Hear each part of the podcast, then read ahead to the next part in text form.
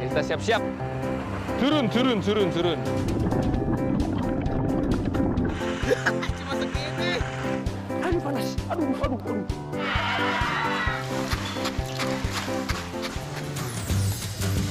Jauh sebelum matahari menyapa langit Jakarta, kesibukan para pembudidaya kerang di Kampung Kerang Hijau, Cilincing, Jakarta Utara sudah dimulai. Mulai dari pembudidaya kerang, para pengupas, hingga kuli panggul sudah mulai mengais rezeki.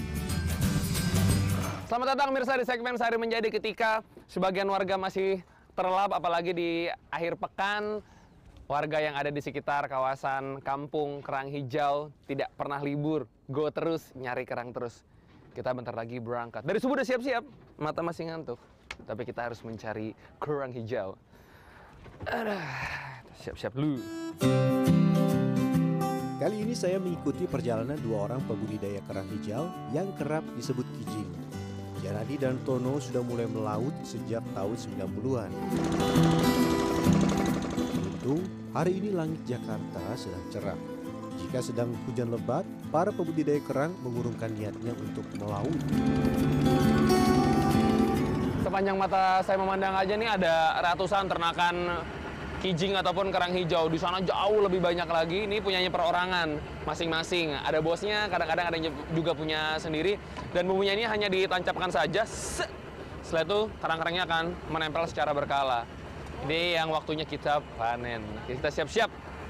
Turun turun turun turun.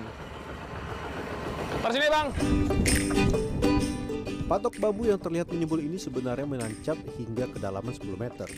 Sebelum terjun memanen kerang, sejumlah peralatan sederhana digunakan. Mulai dari sarung tangan untuk menghindari goresan kulit kerang, hingga pakaian tertutup untuk melindungi badan dari sengatan ubur-ubur. Sayang, hingga kini alat bantu pernafasan untuk memanen kerang tidak pernah berubah. Masih menggunakan kompresor. Buat saya pribadi yang paling ngeri itu bukan melautnya ini ada ombak-ombaknya lumayan nggak bukan. Tapi mereka pakai kompresor untuk bisa bernafas di bagian bawah untuk ngambil kerang hijau atau kijingnya. Tentu akan ada dampak tertentu ya untuk penggunaan tersebut. Tapi ya mereka nggak punya pilihan. Pakai kompresor ya bisa lebih lama kalau nggak pakai cuma ngambil sebentar-sebentar. Saya kan tes kalau nggak panen nanti kira-kira berapa lama saya bisa stay untuk panen kijing atau kerang hijau ini Di satu titik ternakan kijing terdapat 100-150 batang bambu yang dipenuhi biota laut yang memiliki nama latin Pernaviridis ini. Keruh dan berbau, itulah yang saya rasakan ketika turun langsung memanen kerang hijau di Teluk Jakarta. Tanpa alat bantu pernafasan, saya hanya mampu turun di kedalaman 1 sampai 1,5 meter saja. Itu pun saya lebih banyak mengatur ritme nafas dan menahan ombak di bawah laut ketimbang mengambil kerang yang menempel pada batang-batang bambu. Aduh. Cuma segini. Ampun. Bener-bener ya kalau turun nggak pakai alat bantu nafas salah ya tapi itu saya tidak menggunakan alat bantu tersebut dan mencoba paling lama saya cuma bisa menahan setengah menit angkat jempol untuk teman-teman di sini Sejam berselang, keranjang pertama yang berbobot puluhan kilogram naik ke kapal. Seiring berjalannya waktu, jumlah kerang yang kami kumpulkan semakin banyak. Mau ngambil yang buat dipanen dan saya angkat topi buat bapaknya. Hampir 4 jam di bagian bawah. Tadi saya dua kali saya setengah jam naik istirahat dulu terus turun lagi setengah jam lagi itu udah tenaga udah habis. 4 jam. Luar biasa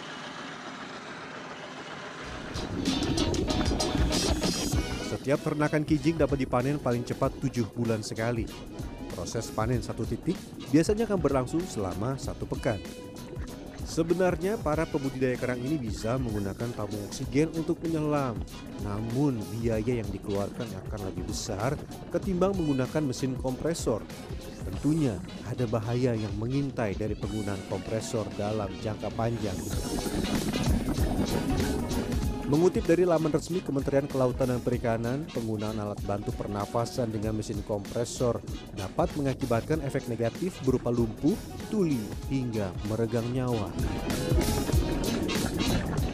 Benar sih ada keinginan untuk pakai oksigen, tapi gimana ya, Dal? Karena oksigen itu kan mahal. Model kayak kami kan nelayan kan nggak mampu untuk membeli oksigen. Kalau sumpah ada pembantu bantuan dari pemerintah sih ya alhamdulillah gitu kan. Ini kan berhubungan untuk beli sendiri kan mahal, duit nggak ada. Bukan sekali dua kali Tono dan Janadi mengetahui ada budidaya di tempat lain yang terkena dampak akibat pemakaian kompresor. Kalau lo sama dia kan dingin airnya. Itu keramnya permanen atau Iya permanen, ya nggak permanen kadang-kadang ada yang sembuh ada, kadang ada yang sembuh? Berarti ada yang nggak sembuh?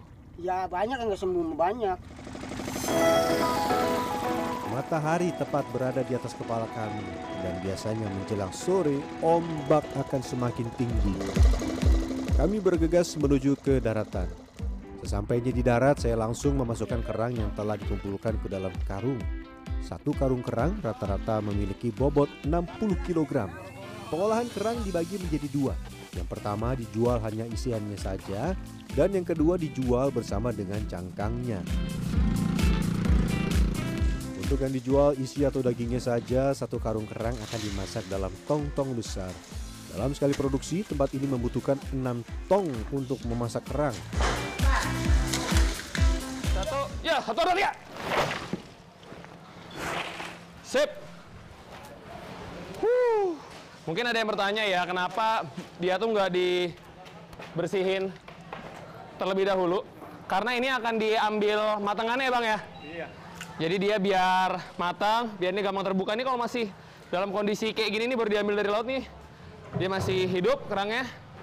Susah banget keras buat dibuka, jadi dimatangin dulu, baru buat yang diambil dagingnya. Tubuh yang telah kering usai melaut kembali basah. Kali ini basah oleh keringat yang bercucuran selama memasak. Kerang juga harus sesekali diaduk agar matang secara merata. Tambahkan juga kayu bakar secara berkala. Setelah 15 menit, waktunya kerang ditiriskan. Gue gini bang. Haredang. Tar dulu. Aish. Bet, tunjukin lu bang. Oh ya ya ya ya ya ya. Miringin tuang. Saya harus menggunakan beberapa kain tambahan untuk menahan panas tong. Ya. Terus. Oke, sip. Oke, sip. Aduh panas. Aduh, aduh, aduh. Sepatunya ya. Tangan tidak panas, kaki yang panas. Dah. Ya. Perlu. Gak apa-apa, aman. Aman. Aman. Setelah matang, kerang akan dibawa ke bagian pengupasan. Untuk pengambilan daging kerang, biasanya para wanita yang akan turun tangan. Cangkang kerang dengan mudah dapat dibuka. Bersihkan juga bulu-bulu halus yang biasanya menempel pada daging kerang hijau. Dan ini kan masih kotor. Nanti masih akan dicuci bersih sekali lagi dan akan dimatangkan sekali lagi. Jadi setidaknya masih akan ada dua kali proses masak sebelum tiba di meja makan Anda. Jadi tidak langsung dimakan nih begini enggak, enggak. Belum bisa. Belum steril. Setelah dikupas, kerang akan ditimbang dan dijual Rp30.000 per kilogram. Lanjut cuci bersih daging-daging kerang yang telah kita kupas. Proses pencucian biasanya dilakukan sebanyak 2-3 kali. Kalau yang dijual dengan cangkangnya biasanya menyasar pembeli yang memiliki rumah makan seafood. Bersihkan kerang dengan cara diinjak-injak terlebih dahulu. Tapi harus pakai alas kaki karet ya. Selain untuk melindungi kaki agar tidak terluka oleh tajamnya cangkang, Alas kaki karet tidak akan membuat kulit kerang hancur. Jadi lebih mudah rontok. Kalau nggak susah rontok tenang ini akan kita cuci, akan diproses, akan dibersihkan. Jadi ini hanyalah bagian proses awal untuk benar-benar memisahkan. Karena kalau misalnya manual, bahkan kalau pakai pisau pun susah. Nah ini agak mudah karena udah saya injak-injak tadi. Jadi masih agak ditarik terus. Lanjut. Uh. Cari yang tritipnya banyak. Jangan lupa bersihkan juga tritip yang menempel pada cangkang kerang hijau. Setelah bersih dari kotoran yang menempel pada cangkang, kerang akan dipisahkan berdasarkan ukuran. Kerang biasa dijual per ember dengan berat 7 kg. Harganya bervariasi sekitar 100 sampai 150 ribu rupiah. Dan terakhir kerang akan dicuci dengan air mengalir sekali lagi sebelum dijual kepada pelanggan. Dan tentu rasanya tidak afdol bila tidak mencicipi kerang yang saya panen hari ini. Hmm. Bumbunya emang enak. Tapi buat saya yang paling spesial tuh kerangnya. Karena apa? Masih baru. Baru diambil langsung dimakan.